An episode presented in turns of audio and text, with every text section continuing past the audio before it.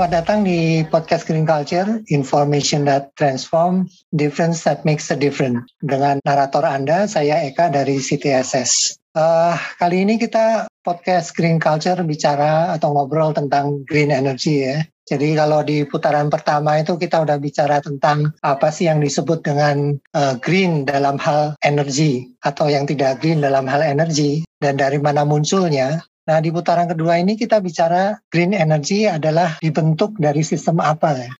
Nah, jadi karena perilaku atau kondisi yang tidak green itu tidak mungkin muncul begitu saja ya, tapi adalah bentukan dari interaksi berbagai sistem ya. Dan kira-kira apa yang bisa dimanfaatkan atau variabel apa yang bisa dimanfaatkan sebagai uh, titik ungkit untuk merubah dari tidak green menjadi green. Nah, uh, kali ini pertanyaan kuncinya untuk green culture dalam energi itu adalah apakah riset energi baru terbarukan rendah emisi yang sangat lambat merupakan faktor utama dari rendahnya pengolahan tenaga surya yang merupakan energi baru terbarukan rendah emisi dan sangat melimpah.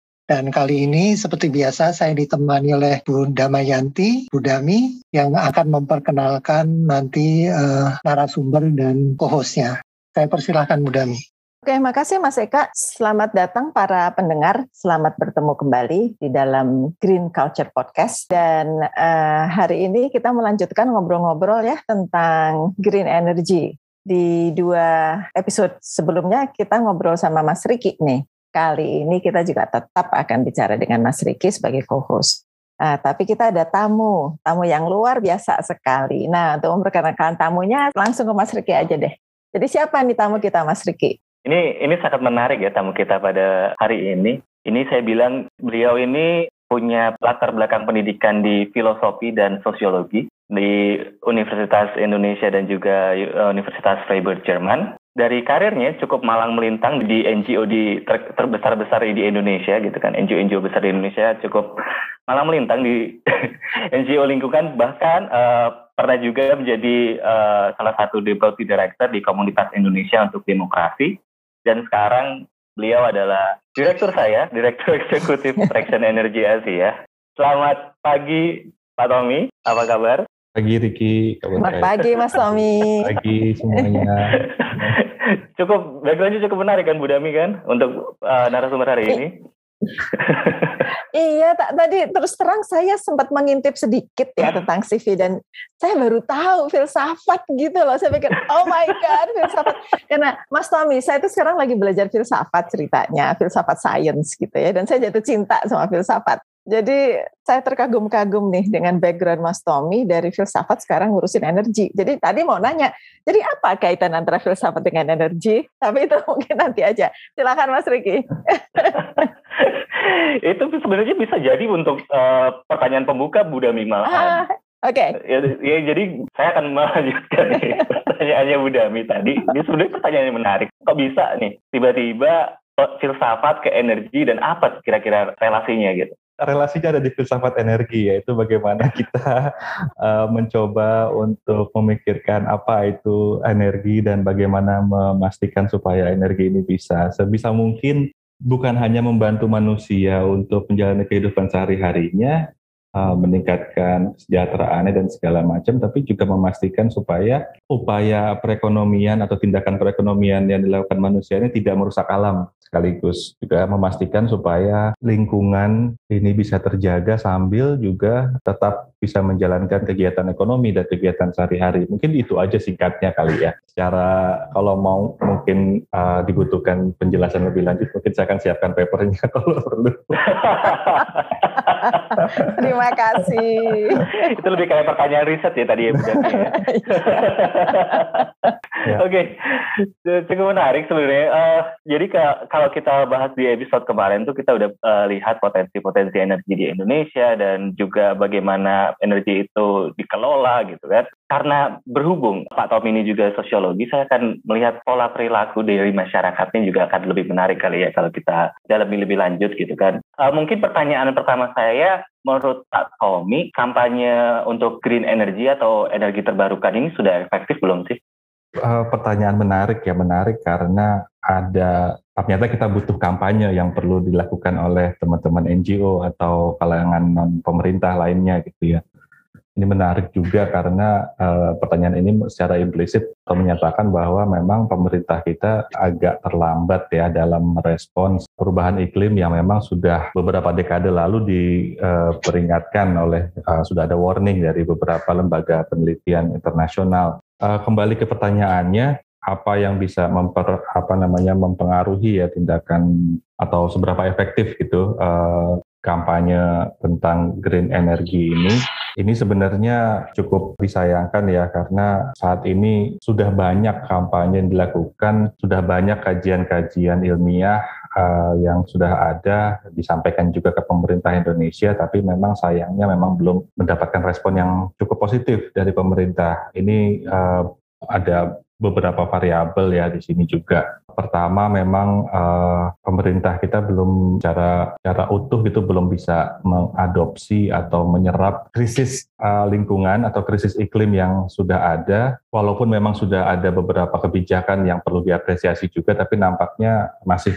kurang efisien gitu atau efektif dalam implementasi dalam uh, merespon krisis iklim ini variabel yang besar itu ada di pemerintah. Kenapa? Karena memang ini kan uh, lembaga eksekutif ya pemerintah ini dan sebagaimana demikian sebagai lembaga eksekutif pemerintah juga memiliki apa namanya kemampuan untuk mengumpulkan atau mengelola anggaran uh, belanja nasional dan juga memiliki otoritas untuk mengeluarkan regulasi. Tapi ya itu dia maka dari itu dengan segala fasilitas dan juga segala uh, privilege yang ada sebenarnya tanggung jawab terbesar dalam merespon krisis iklim ini ada di pemerintah. Sehingga kalau memang ada respon yang cepat kampanye itu menjadi obsolet atau menjadi jika memang ada kebutuhan untuk memberikan masukan kepada pemerintah. Saya rasa itu untuk pertamanya Riki. Kalau dari persepsinya masyarakat sendiri terhadap green energy ini kayak gimana sih barannya uh, apakah masyarakat ini sudah sadar? Apakah mereka sudah ingin memilih itu? Ataukah emang obstacle-nya memang hanya di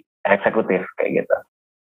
Uh, kalau di uh, persepsi masyarakat ya memang uh, ini ada satu riset yang dilakukan oleh Generation Environmentalism atau E3G ini survei uh, opini publik terhadap uh, investasi di Belt and Road negara-negara uh, yang project-project Belt and Road Initiative ini dari hasil surveinya itu memang ada empat dari enam negara itu melihat 75 persen dari mereka itu melihat uh, masyarakatnya melihat bahwa energi terbarukan itu penting. Uh, ini ada di 78 persen itu di Filipina, 80 persen di Afrika Selatan, dan 86 persen di Turki, dan 89 persen itu di Vietnam. Nah ini masyarakat di negara-negara tersebut itu melihat bahwa energi baru terbarukan atau energi bersih itu sangat penting. Sementara dua negara lainnya uh, di Indonesia dan di Pakistan itu justru agak rendah. Di Indonesia itu 65 persen masyarakatnya merasa bahwa energi terbarukan itu masih belum uh, penting-penting banget dan di Pakistan 61 persen uh, masyarakatnya juga merasa bahwa energi terbarukan ini kurang masih kurang atau penting tapi masih uh, angkanya masih sangat sedikit ya. Uh, saya boleh nyela ya, ini menarik nih Indonesia. Jadi langsung kepikir nih. Kira-kira masyarakat Indonesia seperti itu karena masalah literasi ya, Mas Tommy ya. Jadi mereka nggak begitu care tentang ah sumber energi ini terbarukan atau tidak, dampaknya pada lingkungan apa sih? Yang penting harganya murah. Jadi kita masih pada tataran itu kali ya. Ada benar. Berarti kampanye berarti kampanye gagal. Nah, ini jadi balik ke tadi ini apa ini apakah ini merupakan indikasi adanya kegagalan dalam kampanye? Nah, sekalian tanya ke situ. Oh, enggak juga sih ya. Sebenarnya kampanye yang dilakukan itu uh, cukup menjangkau, tapi memang belum masyarakat kita kan cukup uh, besar ya. Tapi memang uh, walaupun kampanye sudah ada, ini kayaknya masih belum bisa menjangkau semuanya atau menyadartahukan masyarakat bahwa uh, energi bersih ini penting gitu ya. Ada survei yang dilakukan oleh uh, Change.org bersama Koaksi di tahun 2019. Ini ada 9,5 persen masyarakat itu melihat bahwa energi bersih itu penting agar tidak tergantung energi impor. Nah, kita memang masih mengimpor uh, minyak ya, uh, oil and gas untuk kendaraan atau bahan bakar Nah, di sini 11,3 persen itu merasa energi baru terbarukan penting agar bisa dinikmati semua orang. 14,4 persen uh, merasa penting bahwa Indonesia mengembangkan EBT supaya maju dan tidak tertinggal. 19 persen agar sumber energi tidak habis. 19,8 persen, uh, ini yang dua bagian terakhir ini akan penting. Uh, 19,8 persen ini merasa EBT penting agar lingkungan bersih dari polusi. Sementara 20 persen, nah ini yang tertinggi dari masyarakat Indonesia merasa bahwa EBT penting supaya tidak merusak alam. Jadi secara keseluruhan ada hampir kurang sedikit dari 40% masyarakat merasa bahwa energi bersih terbarukan, energi bersih dan terbarukan ini penting agar lingkungan bersih dari polusi dan tidak merusak alam. Nah, 40% itu lumayan sebenarnya, tapi memang belum maksimal. Sayangnya kita perlu untuk meningkatkan lagi kampanye atau upaya untuk menyadartahukan ke masyarakat bahwa uh, energi kotor ini saatnya sudah saatnya energi kotor ditinggalkan dan beralih ke energi bersih yang rendah emisi. Saya nggak bilang kampanye gagal, tapi saya mungkin lebih tepat kampanyenya perlu dilakukan lebih masif lagi. Pihak-pihak um, publik di masyarakat yang ada di pelosok sekaligus juga ke pemerintah daerah. Karena di sini pemerintah kita terutama yang di daerah ini juga merasa butuh bantuan untuk menginterpretasikan atau menerjemahkan target-target capaian baik itu di Paris Agreement ataupun di Sustainable Development Goal supaya bisa mengarus utamakan target-target tersebut ke dalam rencana pembangunan menengah uh, daerah di kabupaten kota masing-masing. Itu mungkin responnya Bu. Dan... Kalau dari saya sih berarti tarik kesimpulannya kalau melihat angka-angka tadi ya, sebenarnya the campaign was effective but the action is not. Kenapa nih? uh, awareness-nya udah tercapai tapi actionnya nggak nyampe gitu. saya setuju dengan Mas Tommy tadi 40% itu cukup bagus lah ya untuk ini ya. Um, apakah energi itu dianggap sesuatu yang elit, Mas Tommy? Jadi untuk menambah tadi Mas Riki sekalian saya timpali pertanyaan juga. Monggo.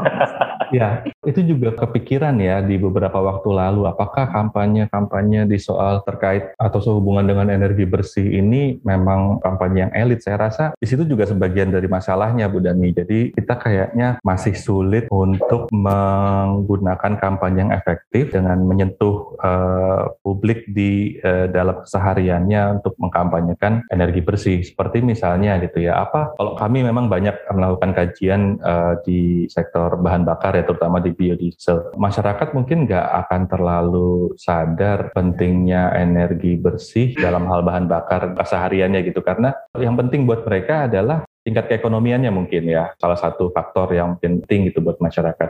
Sepanjang bahan bakar itu murah terjangkau, buat mereka itu penting gitu. Nah di sini kita melihat bahwa ada peluang untuk menyadartahukan atau melakukan kampanye bahwa bukan cuma tingkat keekonomiannya saja, tapi juga kita perlu memperhatikan secara keseluruhan biaya yang bisa ditimbulkan oleh bahan bakar kotor satu contoh mungkin saat ini ketika menggunakan biodiesel yang tidak uh, ramah lingkungan gitu misalnya pemerintah sudah memiliki rencana untuk uh, membangun suatu sistem Indonesian Sustainable Biodiesel uh, Indicator atau indeks gitu. Itu satu langkah bagus. Hmm. Tapi saat ini kita belum memiliki pengetahuan tentang asal usul bahan bakar biodiesel ini. Apakah itu dari hutan yang dari kebun yang terlibat dalam deforestasi, apakah itu bahan bakar tersebut berasal dari hutan yang terbakar kemudian dibangun kebunan kelapa sawit. Jadi kan biodiesel ini kan dari kelapa sawit ya, Budami sebagai informasi ya. Dia dari kelapa sawit, dia diolah menjadi minyak kelapa sawit yang kemudian diolah lagi menjadi uh, biodiesel. Nah, di sini uh, asal usul bahan baku atau feedstock uh, biodiesel ya, di mana merupakan kelapa sawit itu perlu dilacak uh, asal usulnya. Apakah memang dari kebun yang sudah dibuka dari tahun 80 1980 misalnya atau dibuka dari kebun yang tahun 2000 gitu itu mungkin emisinya akan jauh lebih rendah dibandingkan biodiesel tersebut dihasilkan dari minyak kelapa sawit yang uh, kebunnya baru buka di tahun 2014 atau bahkan 16 gitu misalnya. Dampak atau uh, biaya, biaya eksternalitas yang ada itu tidak dihitung dalam bahan bakar tadi gitu. Jadi misalnya kalau harga biodiesel itu ditaruh di harga 12.000, biaya eksternalitas dari risiko dari kebakaran hutan, dari emisi yang ditimbulkan, oleh uh, pembukaan hutan tersebut, dari emisi yang timbulkan dari uh, pabrik kelapa sawit itu tidak dihitung. Hmm. Jadi yang dihitung hanya harga produksinya, tapi biaya eksternalitasnya tidak dihitung. Sama halnya juga dengan PLTU misalnya yang menggunakan batu bara sebagai bahan bakunya uh, untuk pembakaran. PLTU ini uh, memang akan menghasilkan uh, energi atau dalam hal ini listrik ya yang baik, yang stabil gitu sebagai base load. Tapi uh, biaya-biaya eksternalitas seperti uh, misalnya polusi udara yang ditimbulkan atau yang diderita oleh masyarakat yang tinggal di sekitar PLTU tersebut atau uh, polusi air yang masyarakat yang tinggal di kali yang tercemar oleh PLTU tersebut itu tidak pernah dihitung. Nah, biaya kesehatan ini, biaya-biaya eksternalitas ini bisa mencakup kesehatan, biaya uh, kehilangan uh, misalnya uh, apa namanya kehilangan sumber daya uh, keanekaragaman hayati dan juga uh, bahkan juga korban jiwa itu nggak pernah dihitung oleh uh, kita semua ketika kita membeli uh, atau memproduksi energi tersebut sayangnya ya masih dilakukan. Hmm, berarti kalau kalau dari saya sih berarti, berarti kalau kita ngomongin energi itu nggak cuma ngomongin soal energi aja ya sebenarnya ya. Kaitannya banyak gitu, ada di ekonomi juga, ada di kesehatan juga. Tapi kalau berarti dari tapi kenapa sih orang-orang Indonesia uh, bukan orang-orang ya uh, tahu saya juga masyarakat tuh masyarakat tuh masih enggan gitu. Membicarakan energi di tongkrongannya masing-masing. Apakah memang karena sulitkah? Di, di karena ber, berhubungan dengan megawatt, megajoule dan sebagainya, ataukah karena memang oh saya nggak dekat nih sama energi, nggak relate sama kehidupannya mereka, atau gimana nih Pak Tom? Uh, ya seperti itu, tapi sebenarnya kita bisa juga ambil angle yang lebih uh, yang lain lagi gitu misalnya. Uh, saya pernah lihat satu pembicaraan di uh, di Facebook ya waktu itu atau di di tongkrongan gitu misalnya beberapa kawan misalnya bisa menyombong bahwa dia bisa uh, bebas dari tagihan listrik setiap bulannya ketika dia meng, uh, menggunakan solar panel di rumahnya. Itu satu hal yang yang yang yang yang menarik gitu.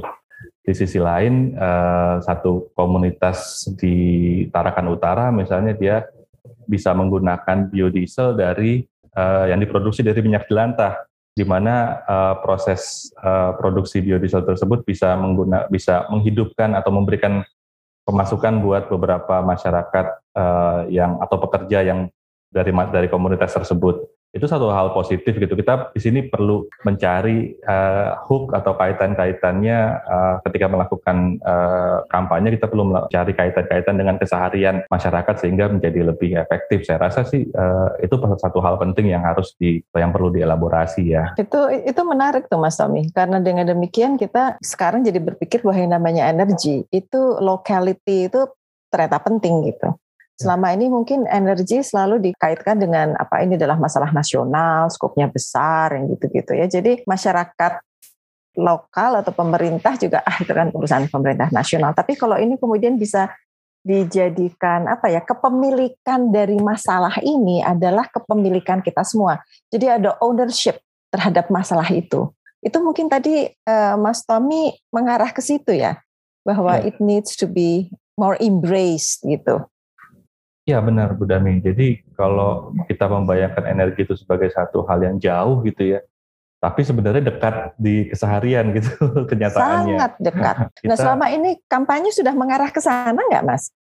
Uh, saya ngelihat ada beberapa yang memang sudah uh, mengarah ke sana juga ya Bu Dami ya, tapi memang kita masih perlu untuk melihat aspek-aspek uh, lain dari keseharian uh, manusia atau keseharian kita yang langsung berkaitan dengan uh, energi. Contoh paling konkret adalah uh, tarif listrik ya. Kita bisa uh, menggunakan tadi uh, batu bara dengan harga yang sangat murah gitu ya. Tapi kita juga punya bisa punya pilihan untuk menggunakan uh, solar panel untuk mendapatkan listrik gitu ya. Di mana hmm. kita kemudian mengupayakan sendiri uh, solar panelnya dan itu merupakan satu bentuk investasi yang jangka panjang gitu. Ya seperti itu. Mungkin uh, perlu dilihat sekali lagi penekanannya ada di kalau kita melakukan kampanye untuk uh, energi baru terbarukan atau energi bersih, kita perlu melihat aspek kesehariannya yang menyentuh langsung dengan kehidupan masyarakat. Ya supaya ada ownership-nya supaya ada rasa kepemilikan dan juga bisa menimbulkan memunculkan uh, keinginan untuk atau menggerakkan gitu kemudian untuk beralih ke energi atau bahkan kalau ya masyarakat memang uh, memiliki yang yang yang memiliki kemampuan untuk membeli gitu, kemampuan ekonomi untuk membeli sumber energinya langsung itu satu hal ya. Ya mungkin itu privilege beberapa kelompok aja, tapi apa yang bisa dilakukan oleh masyarakat awam atau masyarakat umum untuk mendorong pemerintah untuk untuk untuk beralih ya ke energi bersih. Ya ini kita perlu uh, meminta kepada pemerintah sebagai pihak yang diberikan amanat untuk menjalankan untuk mengatur dan menyelenggarakan kehidupan negara ini supaya kita diperhatikan dong masa depannya. Uh, jangan cuma uh, urusan harga, tapi juga pemerintah harus memastikan bahwa lingkungan kita ini tetap aman, tetap aman buat anak dan cucu kita ke depan dan uh, seterusnya sehingga kemudian bisa uh, ada uh, gerakan dari publik untuk mendorong supaya uh, pemerintah melakukan transisi yang adil ke energi bersih tersebut. Kalau kemarin saya saya ngutip nih Bu, Bu Dami sama Pak Tommy. Jadi kemarin tuh saya ikut kuliah umum di NUS soal kebijakan publik. Yang dibahas waktu itu adalah globalisasi. Terus bagaimana sih globalisasi kita sekarang? Salah satu profesor di sana bilang kalau kita har harusnya tuh think global, act local. Gitu. Nih, karena ada act localnya, saya juga karena Traction juga pernah melakukan pendampingan RPJMD ya, di beberapa daerah apakah itu juga bisa diarahkan nantinya uh, apa namanya dalam pembentukan perencanaan daerah tersebut dalam transisi energi di suatu daerah apa sih peran pemerintah daerah terhadap transisi energi yang bisa ah, maksudnya apa sih peran yang bisa dilakukan pemerintah daerah gitu ya, ya. untuk mendorong transisi energi ya ya ini memang uh, satu hal yang menarik ya kita perlu apresiasi juga pemerintah sudah mengarus utam mulai mengarus utamakan uh, atau memberikan arahan kepada Eh, pemerintah-pemerintah daerah, teman-teman di pemerintah daerah uh, dalam hal uh, energi bersih. Uh, kita tahu walau uh, Kementerian Dalam Negeri, uh, Direktorat uh, Bina Pembangunan Daerah itu sudah mulai uh, mendorong supaya pemerintah dan juga bersama dengan ESDM Kementerian SDM mendorong supaya pemerintah daerah ini mulai apa namanya melihat potensi-potensi energi terbarukan di daerah masing-masing gitu. Dan kalau nggak salah kita diskusi kemarin ya Riki ya untuk bahwa di RUU RUU EBT yang baru ini pemerintah daerah kabarnya akan ada kewenangan ya lebih untuk uh, mengurusi energi baru terbarukan mengelola potensi energi baru terbarukan di daerahnya masing-masing. Tapi ini masih draft ya, masih rancangan. Jadi kita tunggu mudah-mudahan hasilnya bisa uh, lebih bagus gitu ketika di undang-undangnya uh, ini diresmikan. Jadi gimana Bu Dami? Bu Dami kan yang suka banget nih soal pemberdayaan lokal. Di RUWBT kayaknya bakal dapet nih Bu.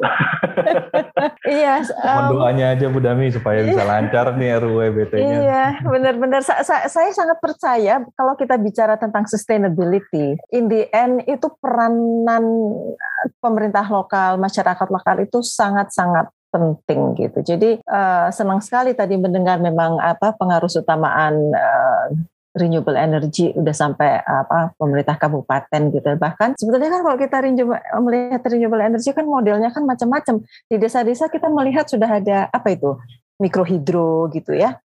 Uh, sampai ada solar dan mikrohidro. Jadi memang uh, diversifikasi energi itu perlu berbeda-beda tergantung dari geografi daerah dan sebagainya. Nah ini um, saya merasa bahwa yang dikatakan Pak apa Mas Riki tadi act locally, think globally itu sangat tepat banget untuk untuk untuk energi. Masalahnya biasanya ini kan salah satu yang diskusi kita minggu lalu kan mengatakan katanya risetnya masih kurang dan sebagainya. Itu memang mungkin investasi pemerintah mungkin masih kurang ya Mas Tommy ya. Pemerintah kurang banyak mengeluarkan dana untuk riset di bidang energi mungkin. Tapi saya saya nggak tahu sih angka-angka riset berapa. Cuman sebagai seorang yang di perguruan tinggi, saya suka ngobrol sama teman-teman dan teman-teman yang bergerak di bioenergi atau di biodiesel dan sebagainya itu suka ngeluh, aduh uang penelitiannya kecil sekali gitu. Jadi mungkin itu investasi juga mungkin perlu dilihat juga. Iya, saya rasa sih benar uh, Bu Dami, tapi saya akan cenderung bilang risetnya sebenarnya sudah banyak ya, uh, tapi itu. memang it, it, uh, yang dilakukan dari sejak uh, tahun uh, 19 akhir akhir 2000-an ya atau awal dua ah sorry awal 2000-an ya.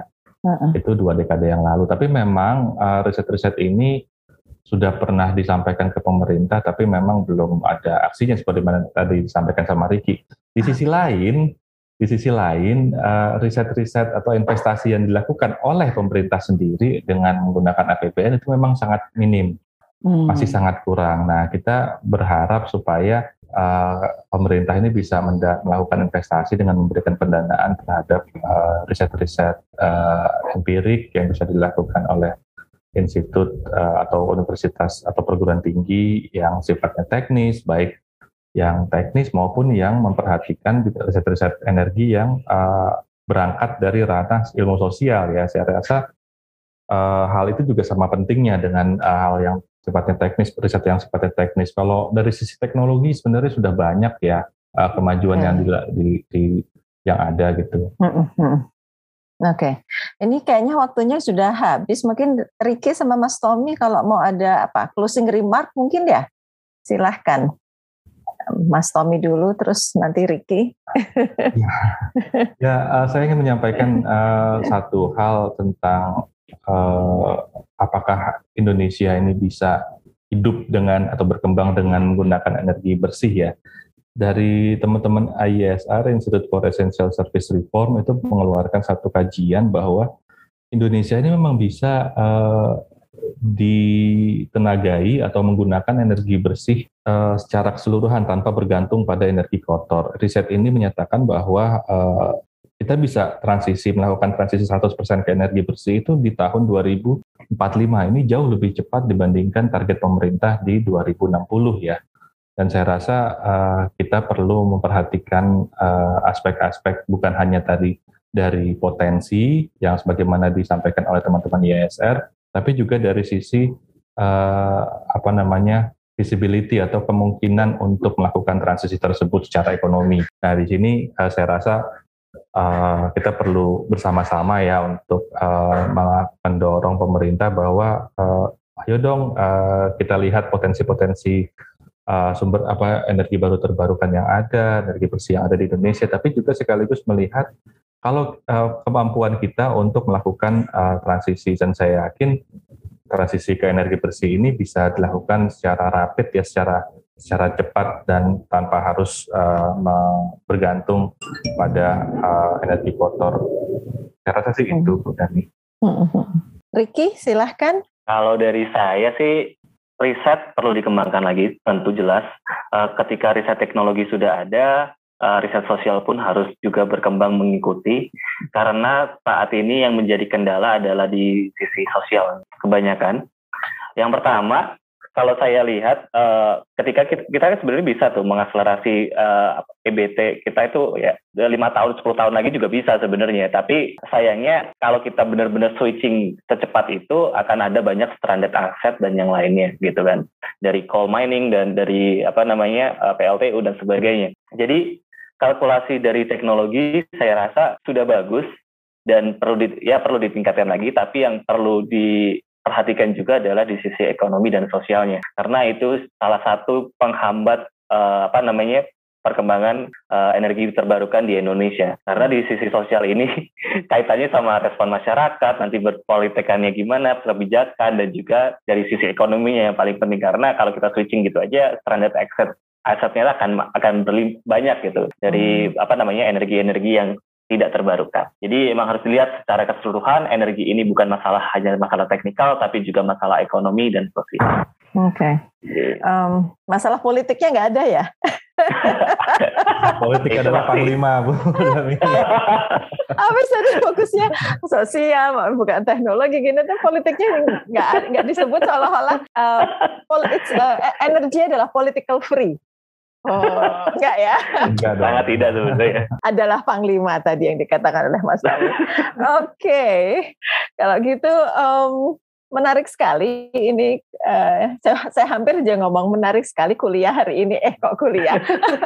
Obrolan hari ini menarik banget ya jadi bagi para pendengar semoga belajar bersama-sama kami tadi ya. Tadi closing remark dari Mas Riki sudah sudah jelas ya bahwa memang um, perjalanan ini masih harus kita apa ya menuju renewable energy ini harus kita jalani bersama-sama. Mungkin intinya di situ ya. Ini belum selesai transisi dan kalau dari Mas Tommy tadi kayaknya trajektori kita sebetulnya sudah oke. Okay. Jadi arah apa roadmapnya itu sebetulnya sudah ada ya. Dan kita menjalani itu sudah well more or less gitu ya sudah sudah sesuai gitu ya Mas Tommy ya. Tapi Terus banyak yang masih ambisius Bu Ah, itu dia. Masih harus lebih ambisius itu yang perlu ditekankan. Nah, dalam konteks itu nanti kita akan ngobrol lagi lanjutan untuk green energy berikutnya untuk melihat seambisius apakah kita harus menuju begitu.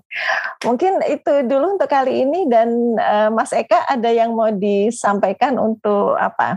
Closing overall silahkan. Ya, terima kasih Bu Dami, uh, Tommy, Mas Riki. Saya satu poin aja yang ingin saya angkat ya. Tadi kan adalah pembicaraan tentang bagaimana mendekatkan ya. Bahasa sehari-harinya beginilah. Karena kita sudah terlalu mudah ya mendapatkan energi ya. Tinggal colok dapat energi. Mungkin itu juga yang membuat kita kurang mengapresiasi proses betapa kompleksnya proses menyediakan energi ini ya. Dan betapa tidak mudahnya merubah kalau kalau kita juga tidak turut berperan serta dalam proses ini. Jadi ya menurut saya semoga podcast kali ini membuat kita berpikir jangan seolah-olah yang mudah itu uh, juga semua prosesnya mudah, tapi bagaimana kita seperti Budami bilang memiliki ownership dan satu tambahan lagi juga adalah stewardship hmm. terhadap energi ini sehingga kita bisa berjalan mulus mengurangi dampak uh, dampak sosial ke energi baru dan terbarukan atau energi bersih. Itu saja dari saya. Terima kasih semua. Oke, terima kasih Mas Tommy. Terima kasih Mas Riki. Sampai ketemu Mereka, lagi. Ketemu.